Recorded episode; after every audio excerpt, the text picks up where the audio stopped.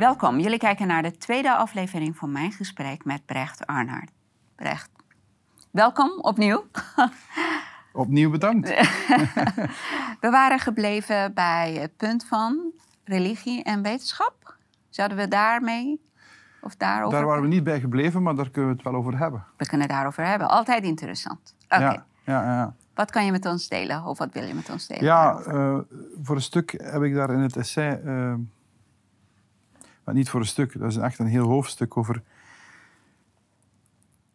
Het geloof, dat geloof en wetenschap gescheiden zijn. Dat is op zich al een geloof. Dus daarmee is de discussie eigenlijk al afgerond. Maar, maar... Geloof is gebaseerd op? Wat is de basis van geloof? Niet weten, denk ik. Oké. En wetenschap is, is, zogezegd gebaseerd op weten. Ja. Op zeker zijn. Nou, volgens mij, uh, wetenschap is gebaseerd op weten dat je het altijd kan verbeteren. Mm En geloof is gebaseerd op weet dat het zo is. Toch? Denk je dat geloven en weten hetzelfde is? Je kan iets weten en geloven dat het zo is. Maar je kan niet altijd... Ja, het is een hele diepe... Ja. Ja, zo ben ik. ik denk dat weten, ja? dat dat een synoniem is van zeker zijn. Klopt, ja. En geloven, dat is niet zeker zijn, maar het toch geloven.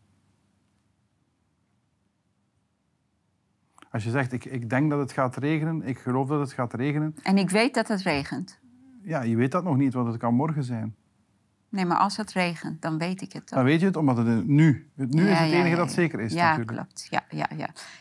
Geloof kan over iets zijn die nog niet gebeurd is. En je, ja. Okay, ja. de, de christenen geloven in de wederkomst van Christus. Mm -hmm. ja, ze zijn dat heel zeker, maar heel 100% zeker kunnen ze dat toch niet zijn? Want ja, dan weet je dat. Is dat niet zo bij geloof? Dat ze weten dat het zo is? Ik denk dat ze denken dat ze dat weten. Ja, oké. Dat is fate. Of niet? Ja, het zijn, het zijn, het zijn inderdaad moeilijke onderwerpen. Want denken bijvoorbeeld heeft, heeft... Denken en zekerheid hebben niks met elkaar te maken. Weten echt iets, iets voelen, bijna. Voelen en weten kun je bijna als synoniemen zien. Iets, iets wat je denkt, ja, morgen kun je iets anders denken. Dat is, dat is eigenlijk een theorie over hoe het zal zijn. Ja. Maar die theorie moet getoetst worden. Dus een hypothetische manier van, van leven. Mhm. Maar iets echt weten, dat is ja... Dat, dat kun je niet reduceren tot denken. Denk je dat geloof heeft negatieve effect gehad op de groei van, van denkvermogen van de bevolking? Nee, ik denk andersom. Ik denk dat uh, modernisme, het, het willen wegzuiveren van het geloof, dat dat een negatief effect heeft gehad op uh, de ontwikkeling. Maar opnieuw, dat is cyclisch. Uh, het modernisme heeft heel veel materiële voordelen gebracht. In die zin, als jouw denken niet begrensd wordt door een of ander dogma, ja. dan kun je veel creatiever zijn.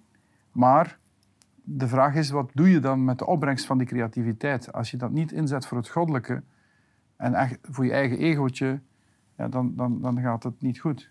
Dan, dan komt het niet goed. Satanisme is ook een geloof, toch? Ja. En uh, science is ook een geloof geworden. Nou, dat is eigenlijk waar ik zou willen over spreken, ja. Dat het een geloof is geworden. Het is het geloof dat je weet, moderne wetenschap, ik, ik leg de nadruk op moderne wetenschap, is het geloof dat je geloof kunt uitschakelen. Moderne wetenschap is dat je gelooft dat je geloof kan uitschakelen, ja? Ja, dus zij denken, dus geloven, mhm. eh, dat, dat zij objectief zijn. Wij doen een experiment, we hebben een controlegroep. We zien duidelijk dat in de controlegroep ehm, het, het, uh, het fenomeen niet voorvalt. En daaruit nemen ze dan besluiten. En dat is de positivistische manier van aan wetenschap doen, experimenten. Ehm, en ze denken dat er geen enkel geloof aan de, aan de grondslag ligt van dat denken. Maar ik heb het in ons voorgesprek al gezegd. Elke wetenschap heeft een vooronderstelling.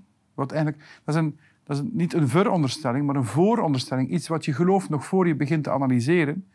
En dat is dat het universum regelmaat vertoont. Mhm. En dat kunnen wij niet weten.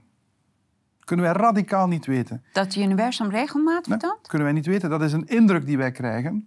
Oh. en, en daarop gaan wij verder. Maar weten wij dat eigenlijk echt? Weten wij eigenlijk echt of regelmaat bestaat? Maar als je, als je zo kijkt, dan weten wij... We kunnen niet zeker weten. Nee. Nee.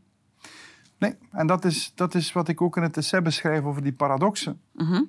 Eh, maar laten we het heel concreet houden. Toen de eerste iPod uitkwam Mhm. van Apple, Mhm. eh, daar zat een shuffle-functie aan, die zit er nog aan. Eh, en die shuffle-functie zet je aan als je wil dat de, de liedjes willekeurig worden afgespeeld. Hè? Over alle playlists heen, li- liedjes worden willekeurig, random afgespeeld. en Apple kreeg klachten binnen van mensen die zeiden, ja, ik heb die shuffle-functie aangezet, maar ik krijg twee, drie keer hetzelfde liedje te horen. Ja, jullie shuffle werkt niet. Ja, Dat een- is juist de shuffle, toch? Voilà, dus, dus willekeurigheid kan ook inhouden dat er honderd keer hetzelfde liedje komt. Toevallig. Ja. Kan. Mhm. Dus, dus wat heeft Apple dan gedaan? Dan hebben ze de willekeurigheid geprogrammeerd. Heel willekeurig. Heel willekeurig. Nee, gepland. Dus, dus dit is het punt. Dit is het essentiële punt. Dat wat wij ook denken, en denken is geloven, is dus onzeker zijn, eh, over die regelmaat, wij kunnen dat niet weten. En waarom kunnen wij dat niet weten? Ik heb me lang afgevraagd, wat zou er voor nodig zijn om te kunnen besluiten of regelmaat bestaat?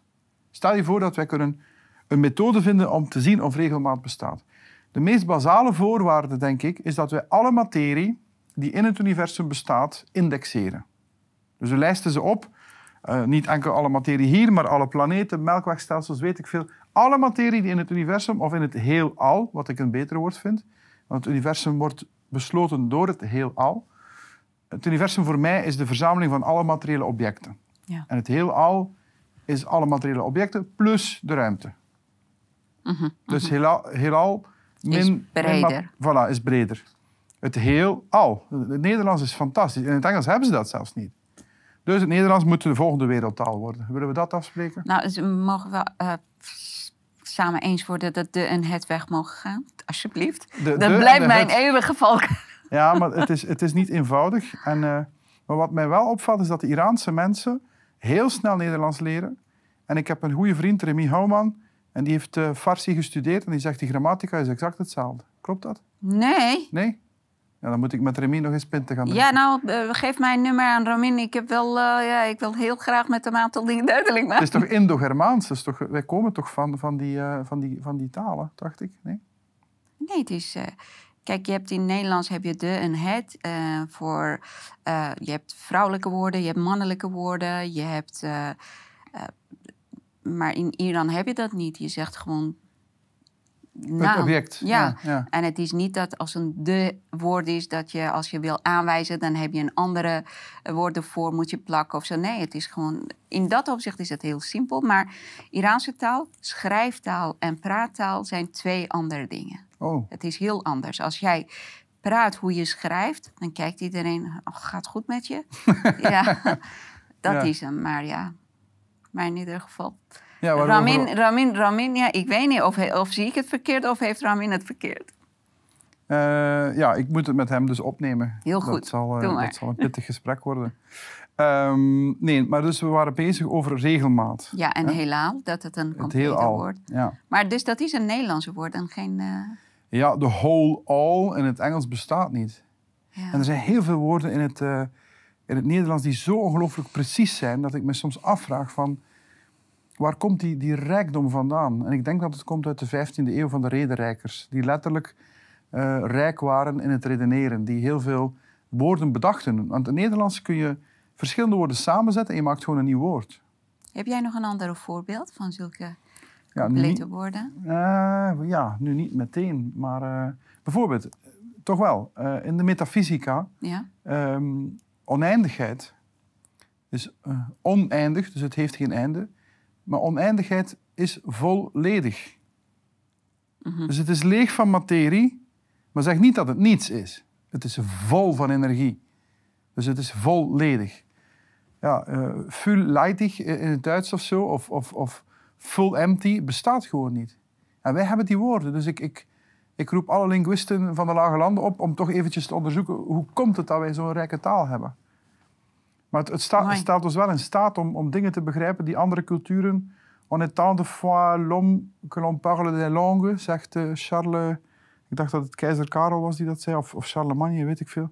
Maar hoe meer talen je spreekt, hoe meer perspectief je krijgt op, op de Ja. werkelijkheid. Ja, klopt. Ja. En, en, en, het, en het, het, het, het farsi moet ook heel eh, ehm, rijk zijn, denk ik. Want ja, het is geen toeval dat je Rumi hebt en, ja. Dus echt en Omar Khayyam en, en, en al die mannen. Dat is ongelooflijk. Weet je, en ook eh, als jij, ja, in, in Farsi kan je zulke mooie poëzie maken of eh, gedichten. Het is, ik, je, je kan het absoluut niet zo mooi kunnen vertalen naar een andere taal. Ja. Je hebt hele mooie, ja, Lost in translation. ja, Ja. ja. We waren, waar waren we? Paradox. Regelmaat. Ja, paradox, dat komt dan wel. Maar regelmaat. Dus de, de, de, het experiment zou zijn, indexeer alle, ruim, alle materie. Onderzoek dan de relaties tussen die materie. En dan kun je vaststellen of er een patroon is, of er regelmaat is. Mhm. Maar het probleem daarmee is dat... Kijk, als we nu zeggen dat ehm heelal min universum dan gelijk is aan alle ruimte die overblijft. Ja, die ruimte stopt nergens. Of dat is tenminste mijn overtuiging. Ik kan dat niet bewijzen. Ik kan niet bewijzen dat oneindigheid nergens stopt. ja. Maar indien wij zouden aannemen dat oneindigheid ergens stopt, wat zeggen we dan eigenlijk? Dat het bestaan grenst aan het niets. Maar niets dat de grens heeft met iets, is zelf ook iets. Ja. Toch? ja. Dus ik geloof, ik kan niet bewijzen, maar ik geloof dat het meest plausibele is om aan te nemen dat oneindigheid bestaat. Oké. Dat, als je dat aanneemt, en voor mij is oneindigheid een synoniem voor God. Als je dat aanneemt, dan kun je regelmaat nooit bewijzen. Waarom? Omdat zelfs indien je de laatste, het laatste stukje materie hebt geïndexeerd in jouw lijstje en dan eh, alle calculaties maakt, ja, wie zegt dat binnen zoveel lichtjaren ver daar niet een heel ander universum ook ligt te zweven? Dat weet je niet. En zelfs al zou je dat ontdekken op een dag met allerlei apparatuur, dan kun je niet uitsluiten dat nog verder in die oneindig... Dus het stopt nooit. Dus dat is waarom wij radicale onzekerheid moeten aanvaarden. Wij kunnen dat nooit weten. ja.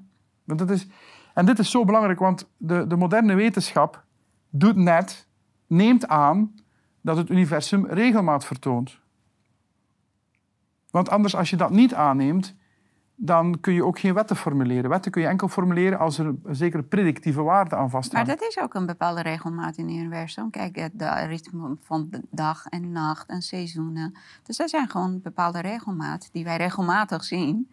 Dus ik denk dat ze naar aanleiding daarvan zeggen dat het universum regelmaat toont. Ja, maar dat is een geloof. Wij kunnen dat niet bewijzen. Het is gebaseerd op een iteratie, op een herhaling van hetzelfde. Elke ochtend eh, kraait de haan en komt de zon op. Maar komt de zon op om- omdat de haan kraait? Of, of kraait de haan omdat de zon om- opkomt? Mijn, mijn verstand zegt, krijt de haan omdat de zon opkomt. Ja, mijne ook. Dat is een intuïtie. Ja. Maar logisch bewijsbaar is dat niet. En dat is een heel zware Ja. vaststelling. En De meeste mensen maken die contemplaties nooit en zeggen, oh, de wetenschap. Maar de wetenschap moet die vooronderstelling hebben om te kunnen aan wetenschap doen, dat het universum regelmatig is.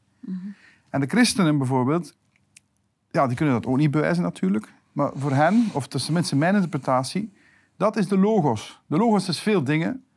Maar als we zeggen, ja, dat is toch niet logisch, dan bedoelen ze niet, dat is niet beredeneerbaar, maar bedoelen ze, dat staat niet in lijn met, met hoe het universum eigenlijk echt is.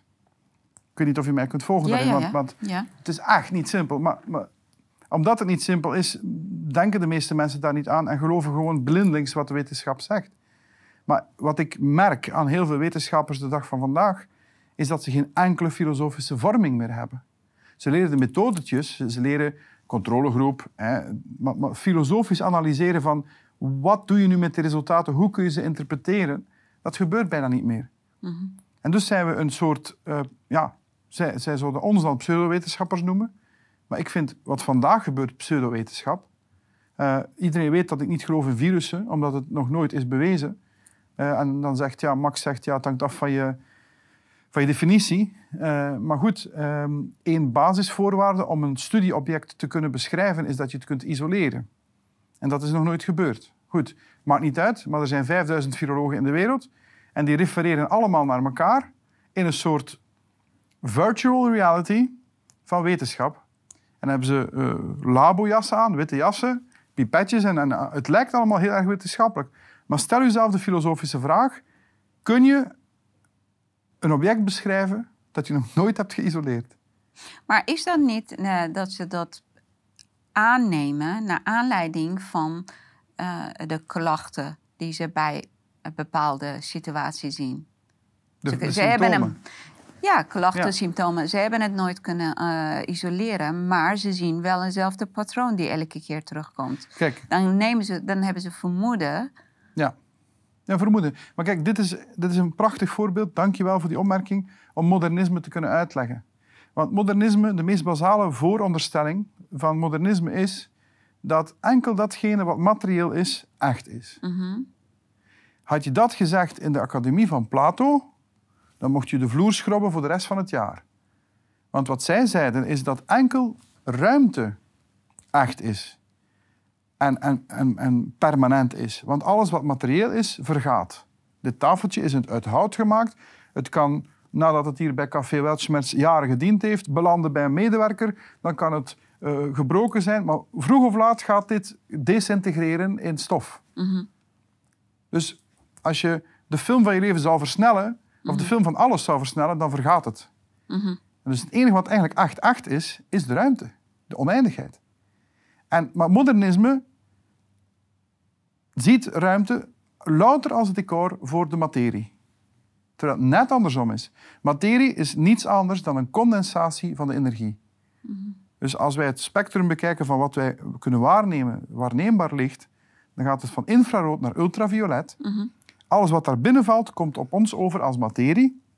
Alles wat hoger trilt of lager trilt, komt op ons over als ruimte. Maar beeld je maar eens in dat jouw spectrum dubbel zo groot is, ja, dan zijn de objecten ook dubbel zo groot. En sommige mensen hebben een groter spectrum, bijvoorbeeld kunnen aura's zien. Ja, ja. En zouden jou daar dan zien zitten met jouw lichaam en daar rond nog, eens, nog, een, nog een etherisch lichaam daar rond. Ik ken, ik ken een paar mensen die een, een ja, een soort uh, aura van kleur zien bij mensen. Ja, ja. ik kan het niet. Nee. Maar, maar er, zijn, er zijn heel wat mensen die het wel kunnen. En, uh, maar wat ik daarmee wil zeggen is dat um, de vooronderstellingen van de moderne wetenschap lijken neutraal. Dus van ja, materie is toch wel echt uh, het enige wat echt is. Maar net door die vooronderstellingen denken ze ook duaal.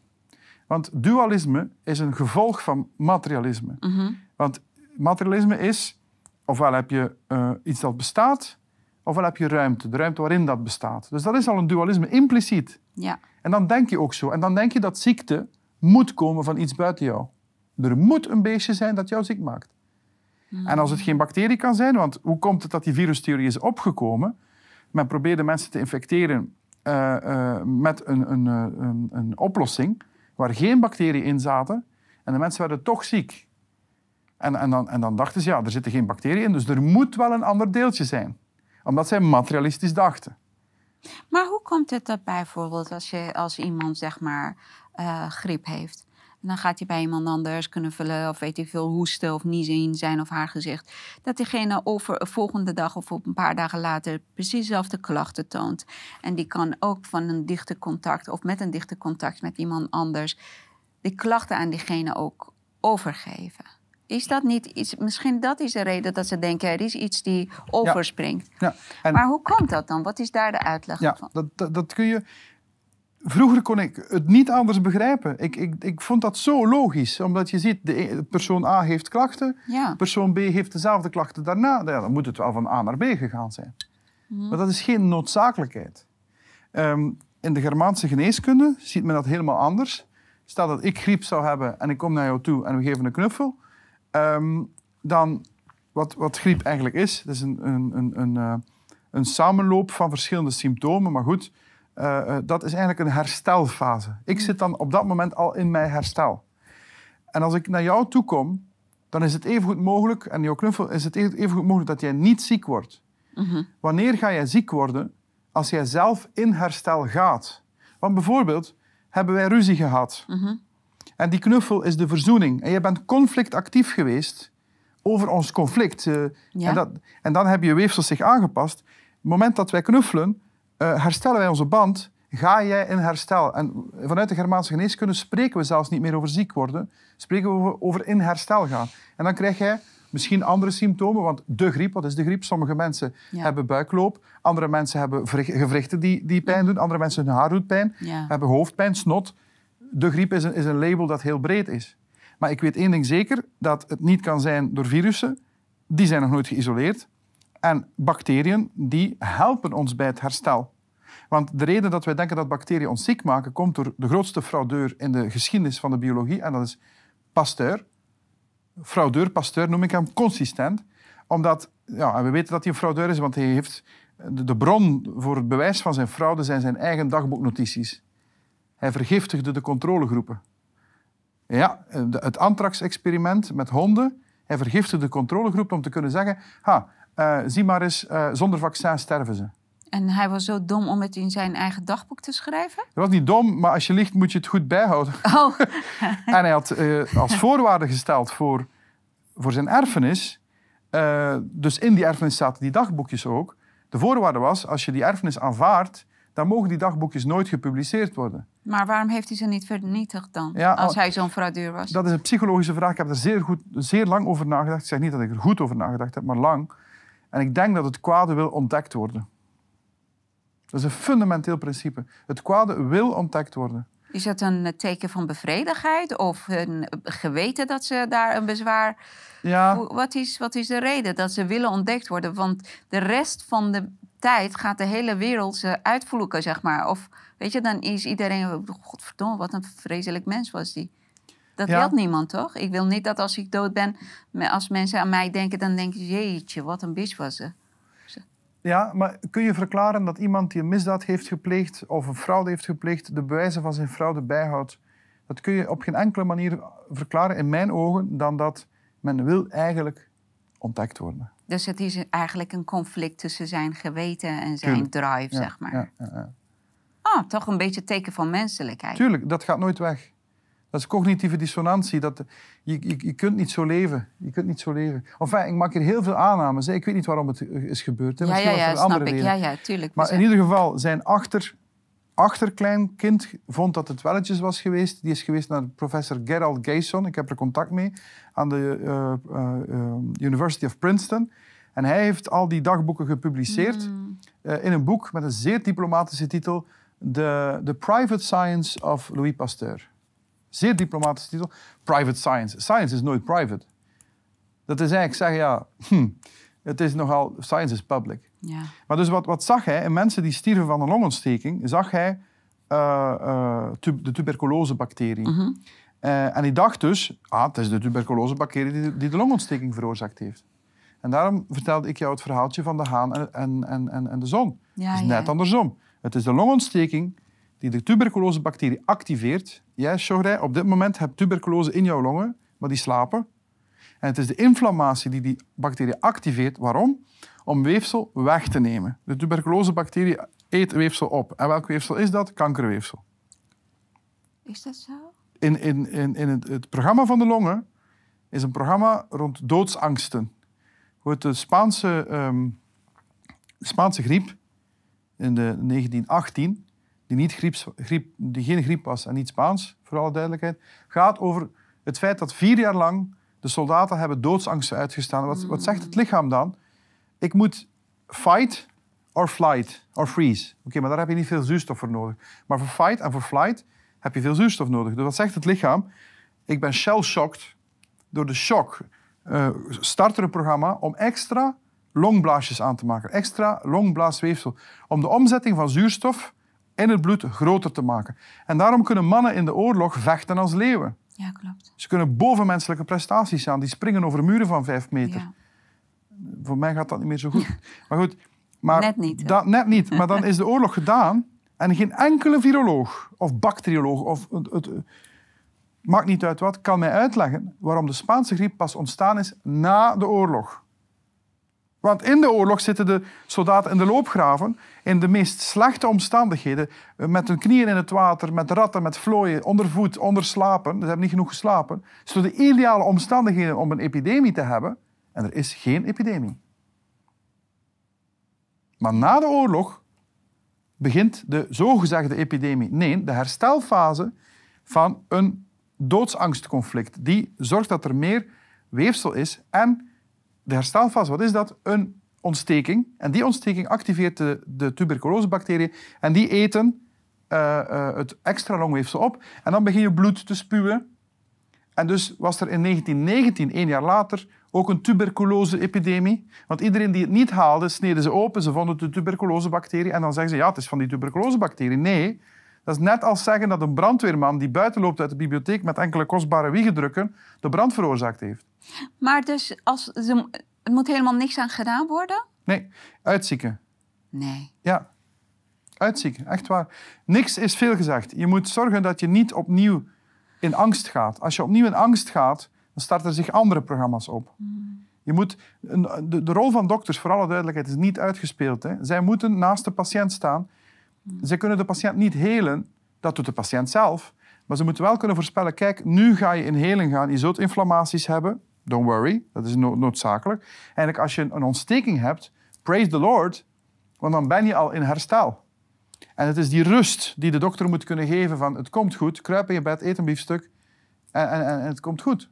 Ik heb wel een, eh, ja, ik heb heel veel persoonlijke verhalen, maar dit, um, ik ben afgelopen december werd ik ziek. Had ik die stevige griep, zeg maar. En, ja. Um,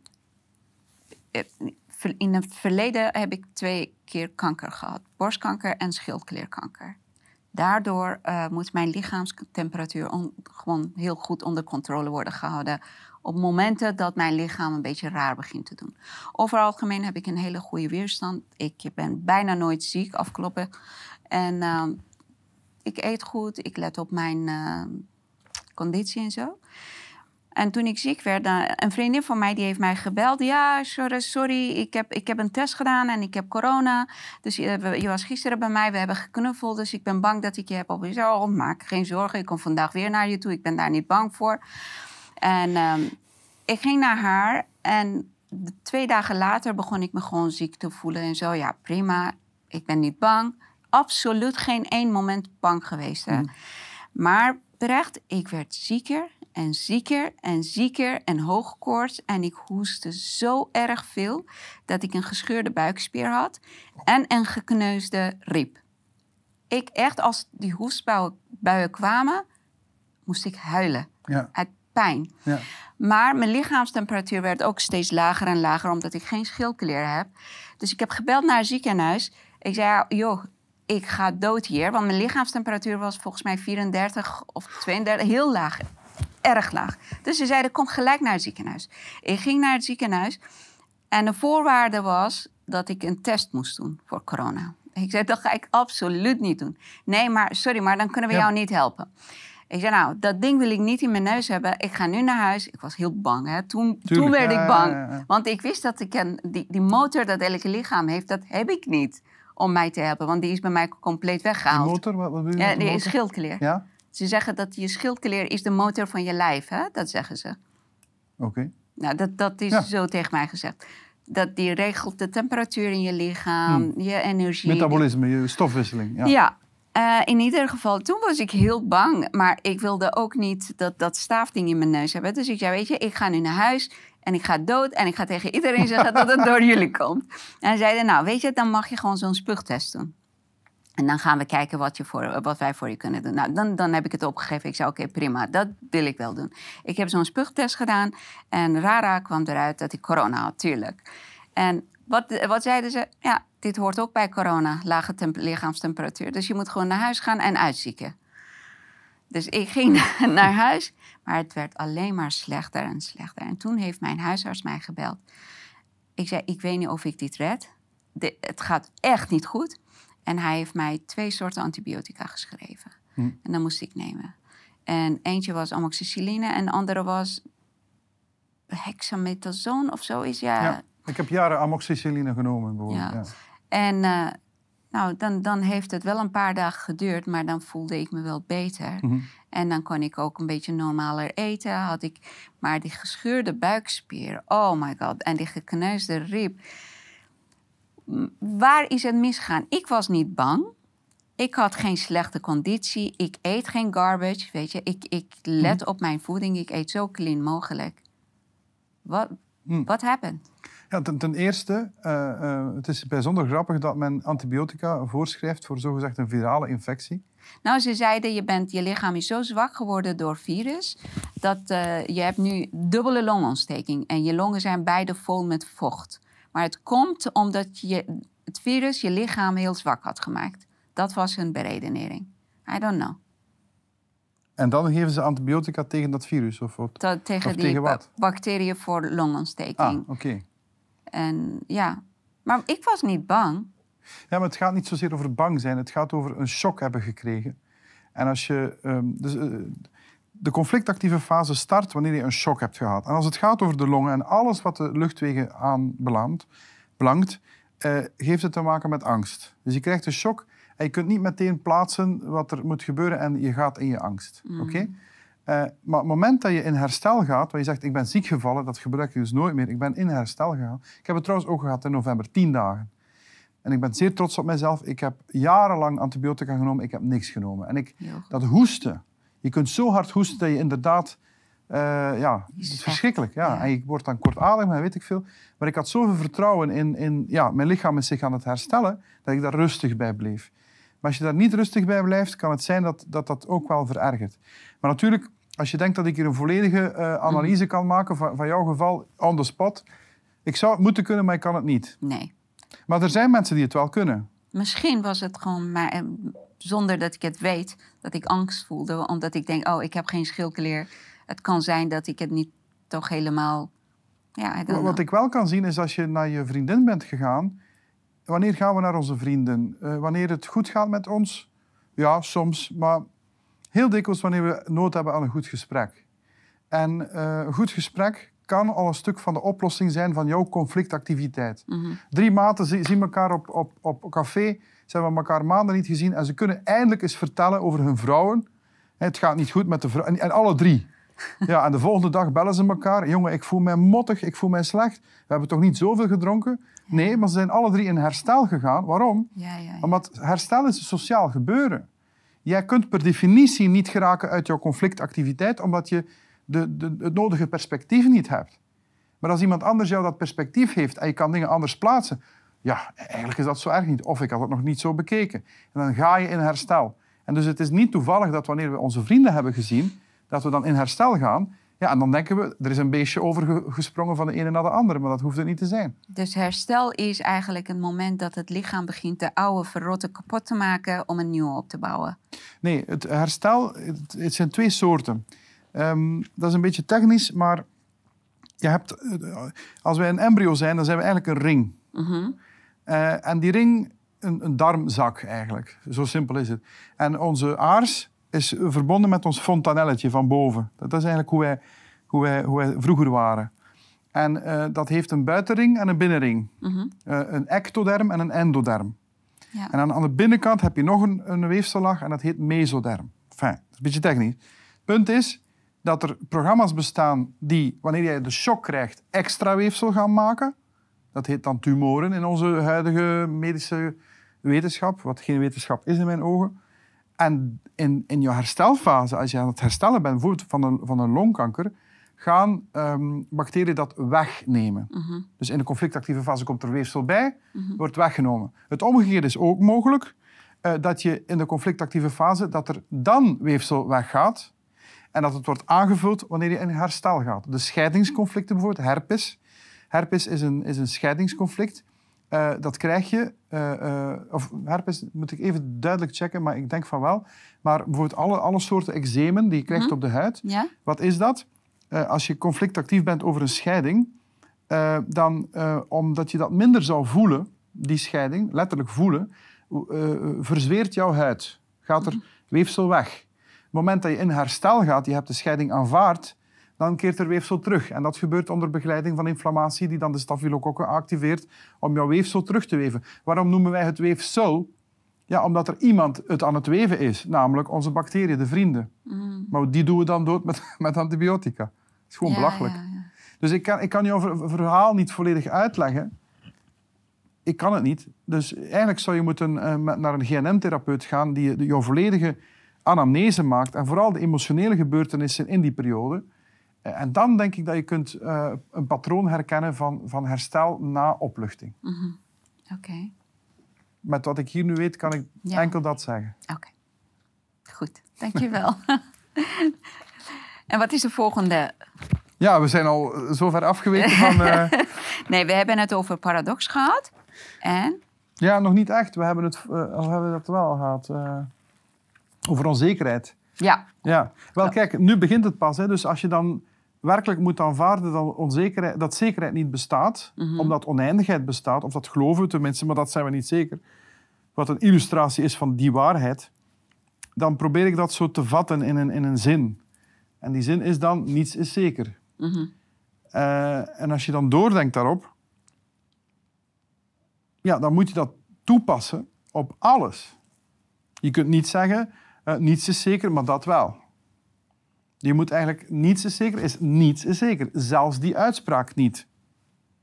Dus als, ja, die past er toch toe op alles. Anders mag je dat woordje niets niet gebruiken. Nee. Veel dingen zijn onzeker. Ja, dan, dan, mag, dan hoef je het niet toe te passen op die zin zelf. Mm -hmm. Maar als je zegt niets is zeker, ja, die zin zelf dan ook niet. Mm -hmm. En dan is de vraag, ja, maar wat zegt die zin nu eigenlijk? Of zekerheid bestaat? Want één ding zijn we dan tenminste zeker, dat onzekerheid bestaat. Toch? Ja. En je flipt gewoon, letterlijk. Ja. En dat is, en dat is, wat, dat is wat ik... Dat is het volgende fenomeen, het mentale fenomeen van het flippen van mijn geest. Ik was weken aan het spelen met die paradox. En ik voelde letterlijk, je kunt, als je het genoeg doet, voel je letterlijk het logische deel flippen naar het psychologische deel van je geest. Hup. En ik denk, wat wonderlijk toch, dat ik gewoon een, een gewaarwording kan krijgen in mijn eigen kop door bezig te zijn met een paradox. Mm -hmm. En ja, dan doe je daar maanden niks mee. Het is gewoon een leuk speeltje. En plots schiet het in mijn gedachten. Ja, maar wacht eens. Als niets zeker is, zelfs niet of onzekerheid bestaat, ja, maar dan weten wij toch ook niks? Echt niks. Je kunt denken dat je iets weet, maar je, maar je weet het niet. En dat was eigenlijk wat Socrates al gevonden had met zijn paradox van ik weet dat ik niks weet. En dan zegt de modernist, ja, maar je weet tenminste toch dat? En dan moet Socrates eigenlijk zeggen, ja, eigenlijk weet ik zelfs dat niet, dus dan zwijg ik beter. En dat is wijsheid, de wijze zwijgt. Dus als mensen denken dat ik een wijze man ben, vergeet het, want mocht ik echt wijs zijn, dan zwijg ik gewoon. Maar ik ben aan het spreken, dus geloof niet alles wat ik zeg. Nee, maar goed. En waarom, waarom is dat zo belangrijk, die paradoxen? Omdat ik geloof dat dat de werkelijke dingen zijn die ons leven beheersen. En hoe wij ons verhouden tot die dingen bepaalt onze levenskwaliteit. Je hebt mensen die niet kunnen omgaan met onzekerheid en verkiezen dan maar een leider te volgen die hen zekerheid belooft. Ja. Maar de werkelijk soevereine mens accepteert 100% die onzekerheid. Als je dat kunt, als je je zo groot kunt maken, om de, of zo klein liever kunt maken, om die onzekerheid te accepteren, dan ga je volledig in je kracht staan. Alan Watts heeft daar een heel boek over geschreven, The Wisdom of Uncertainty. Want het, er is een zeer rare gewaarwording.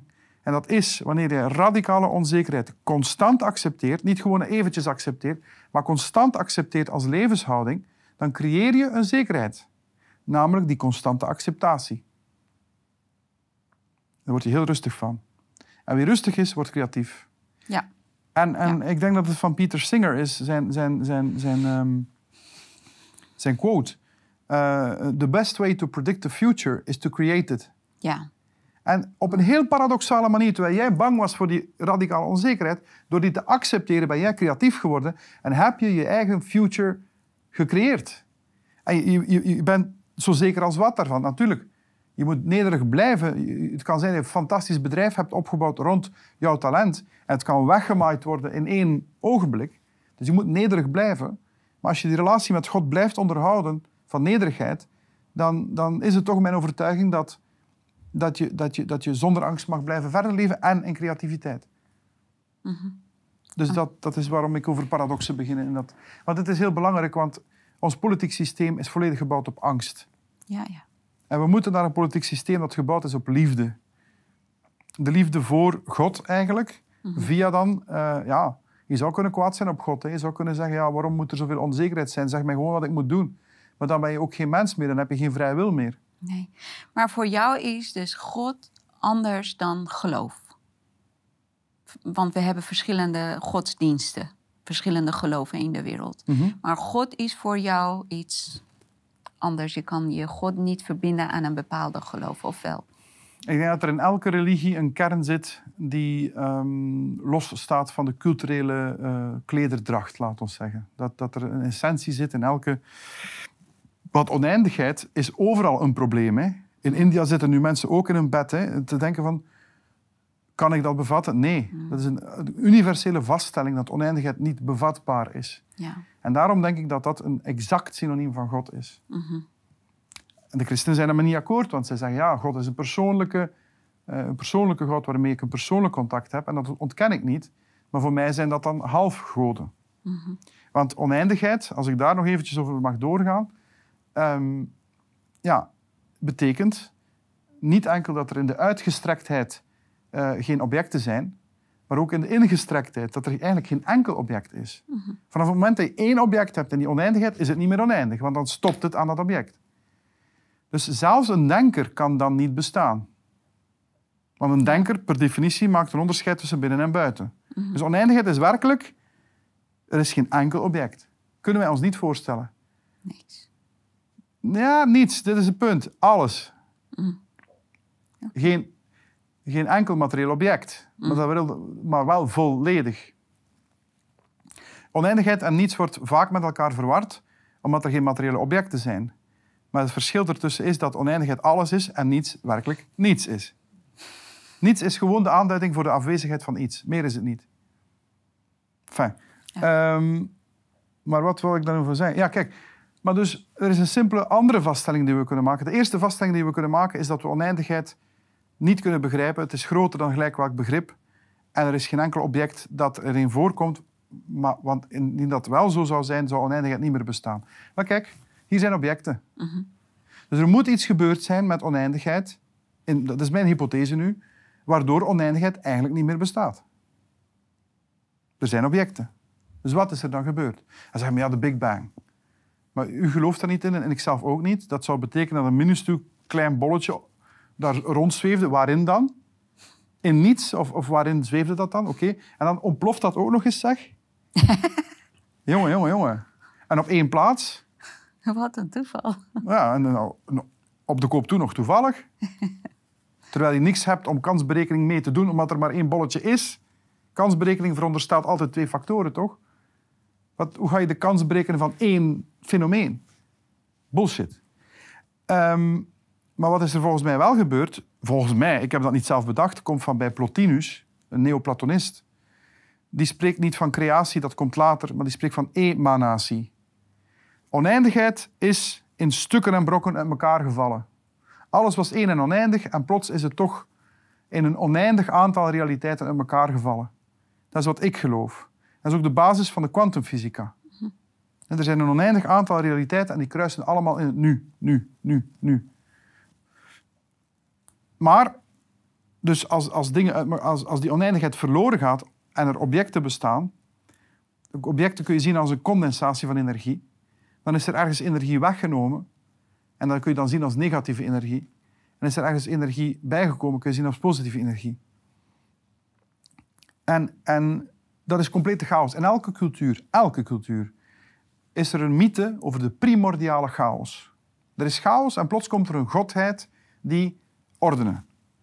En dat is hoe ik de Vader zie. Dat is de godheid die de chaos geordend heeft.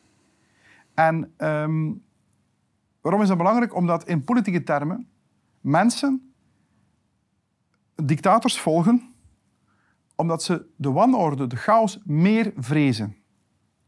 Mensen vrezen echt chaos. Wat zal dat hier zijn als, als de dictator niet meer zegt wat wij moeten doen? Dat wordt chaos. En ze verkiezen dus, zelfs al is hij vreed en, en onlogisch en irrationeel, ze verkiezen dat boven totale chaos. En daarom denk ik dat de Vader ook veel aanbeden wordt. Hij is vreed in het Oude Testament, hij is verschillende keren vreed. Maar dat geeft niet. Die vreedheid inspireert net mensen om hem te volgen. En dat is beter dan de chaos. Ja. En wat is er dan gebeurt? Uh, de zaken geraken meer en meer geordend. En dan wordt een, een mens geboren. Dat is al blasfemie voor de, voor, de, voor de katholieken. die zodanig in zijn essentie staat, zodanig liefdevol is, dat hij dat hele ding begrijpt. Dat hij begrijpt wat er gebeurd is met God aan het begin der tijden. En die zegt, ja, ik ben de zoon van God. Maar de volgers van de vader, die vinden dat blasfemie en die, die doden hem. Dus beeld je maar eens in wat dat doet met de vader. jouw zoon wordt gedood door jouw eigen volgers die jou aanbidden. Dus dat doet wat met een vader. Daar word je stil van. En dan kan de moeder beginnen spreken. En voor mij, de moeder is de Heilige Geest. Die komt in het Nieuwe Testament. In het Oude zie je daar niks van. Dat is allemaal de Vader. In het Nieuwe Testament. Mhm. En dat is de Heilige Geest. Die in mijn ogen mensen inspireert om creatief te zijn. Zodanig dat de creativiteit in het universum bijdraagt tot de eenwording van God. Want God heeft zichzelf verloren aan het begin der tijden. En is zichzelf nu aan het weder samenstellen richting het einde der tijden. Wat volgens mij het opgaan is van alle materie terug in oneindigheid. Mm en dat is, dat is hoe ik de metafysica zie. En daardoor kan ik mijn bestaan zin geven. Zeg ik dat dat de wet van meden en persen is, sorry voor het taalgebruik. Nee, dat is wat ik geloof en ik kan mijn leven daar vrij goed door ordenen. En dat is, dat is de theorie die ik in het essay naar voren breng, op basis waarvan we eigenlijk zouden kunnen gaan tot een nieuwe politieke structuur die mensen in hun kracht zet. Waarom? Omdat het onze goddelijke taak is om creatief te zijn.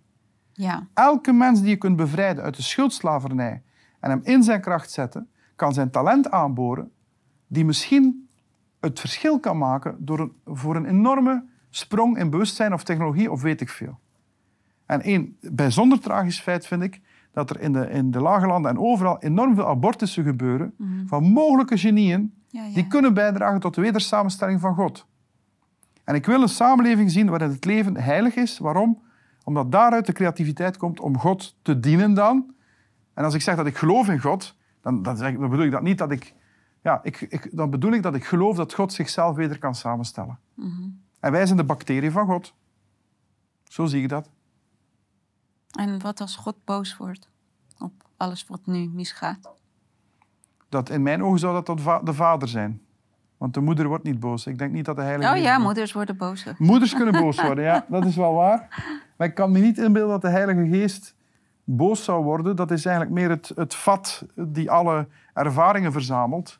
En die dan een persoon die God zoekt ziet en zegt... Hm, die is het wel waard om te inspireren. Hup, we geven hem een beetje inspiratie.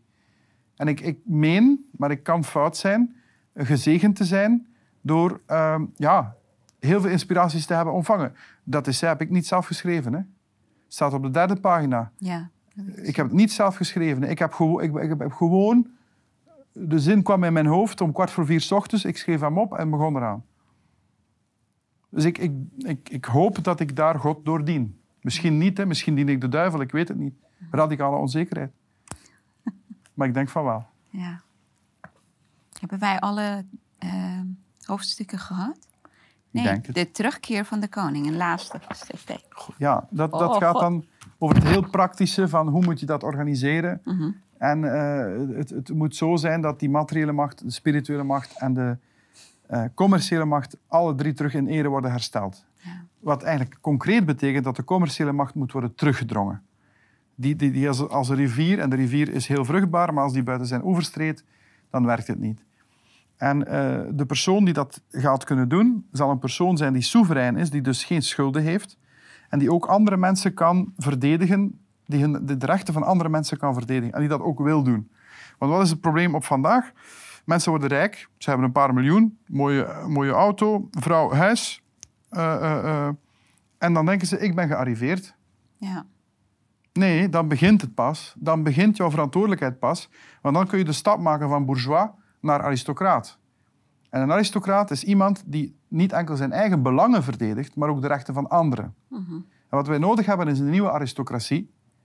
En de chef van die aristocratie, die uit die aristocratie komt, is de koning. Mhm. En de koning is niet wat wij denken dat het is, niet Louis XIV. Dat is een modernistische nitwit. De, de, het archetype van de koning is, is, is Arthur. En mensen mogen terug dromen. Ze moeten daarvan kunnen dromen, want anders, anders is er geen hoop.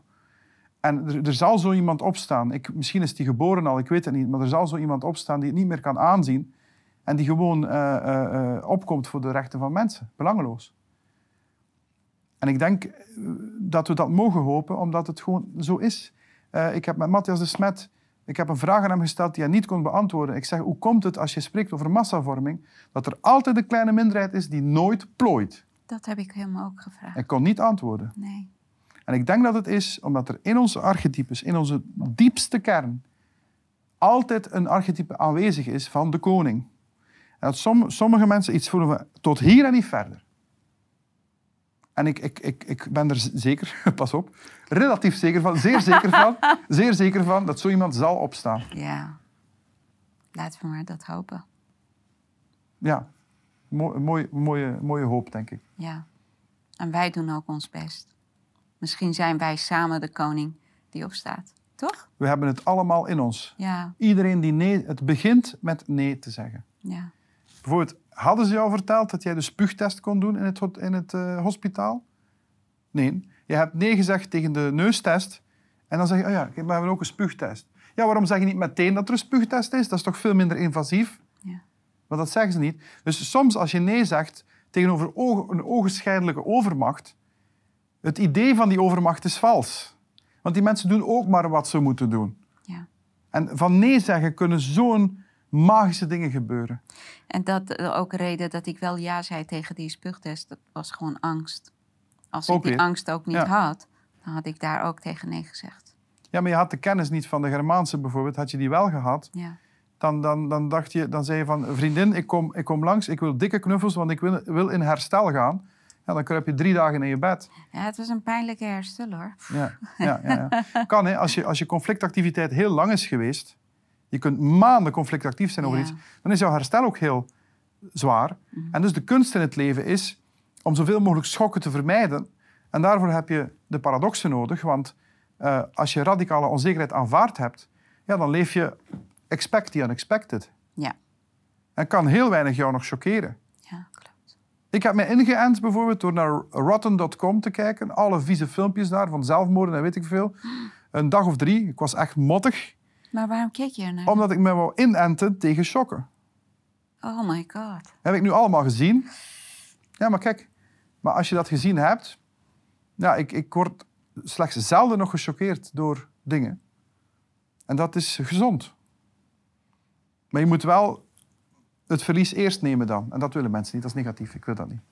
Nou, ik heb het wel gezien. Ik heb heel veel dingen gezien. Maar dat, bij mij was geen keuze. We moesten dat.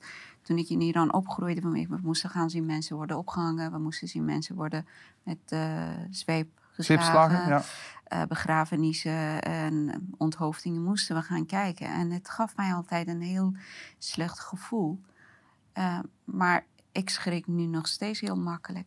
Pijn en lijden van anderen doet mij niet goed. Natuurlijk niet. Nee, Maar... maar... je moet dat kunnen kaderen binnen een groter metafysisch kader. Dat het kwade als je geen metafysische theorie hebt, wie ben je dan? Klopt, ja. Hoeveel mensen lopen niet rond, denken nooit eens na over, over het goddelijke. Maar wie ben je dan? Een bacterie die, die, die op zijn eigen gaat. Dus dat, je moet toch nadenken over het goddelijke. Ja. En had jij een, een, een, kader gehad om te kunnen zeggen, ja kijk, dit is, dit is het kwade. Je, je voelde dat wel, maar een, een, een, expliciete overtuiging, dan had je veel beter kunnen omgaan met die shocken. Ja. En misschien is een stuk van je herstel zelfs het aanvaarden, het verwerken. Maar, want naarmate we rijper worden, kunnen we shocken uit het verleden ook beter plaatsen. Ja, ja zeker. En kunnen conflictactieve fases van 30 jaar plots in herstel gaan. Hè? Mhm. Het hoeft zelfs niks te maken te hebben met jouw vriendin. Het kan een plotse realisatie zijn van... Hey, ik heb het hier nu toch wel goed in Nederland en dat is nu toch wel... Ik zeg, ik zeg maar wat. Hè. Ja, ja, snap ik. Uh, dus, dus het is allemaal veel, veel subjectiever dan we denken. En die, die, die bullshit-theorie van virussen en bacteriën, dat mag nu toch echt eens stoppen. Ja. En we moeten samen allemaal een hele sterke koning Arthur vormen. Ja, ja, we moeten de voorwaarden creëren voor zijn komst. Dat gaan we doen. En we zijn eraan bezig. Dank je wel. Jij ook bedankt. Echt heel erg bedankt. Ik heb genoten van ons gesprek. Ja. Mensen thuis, dank jullie wel voor het kijken en heel graag tot de volgende keer.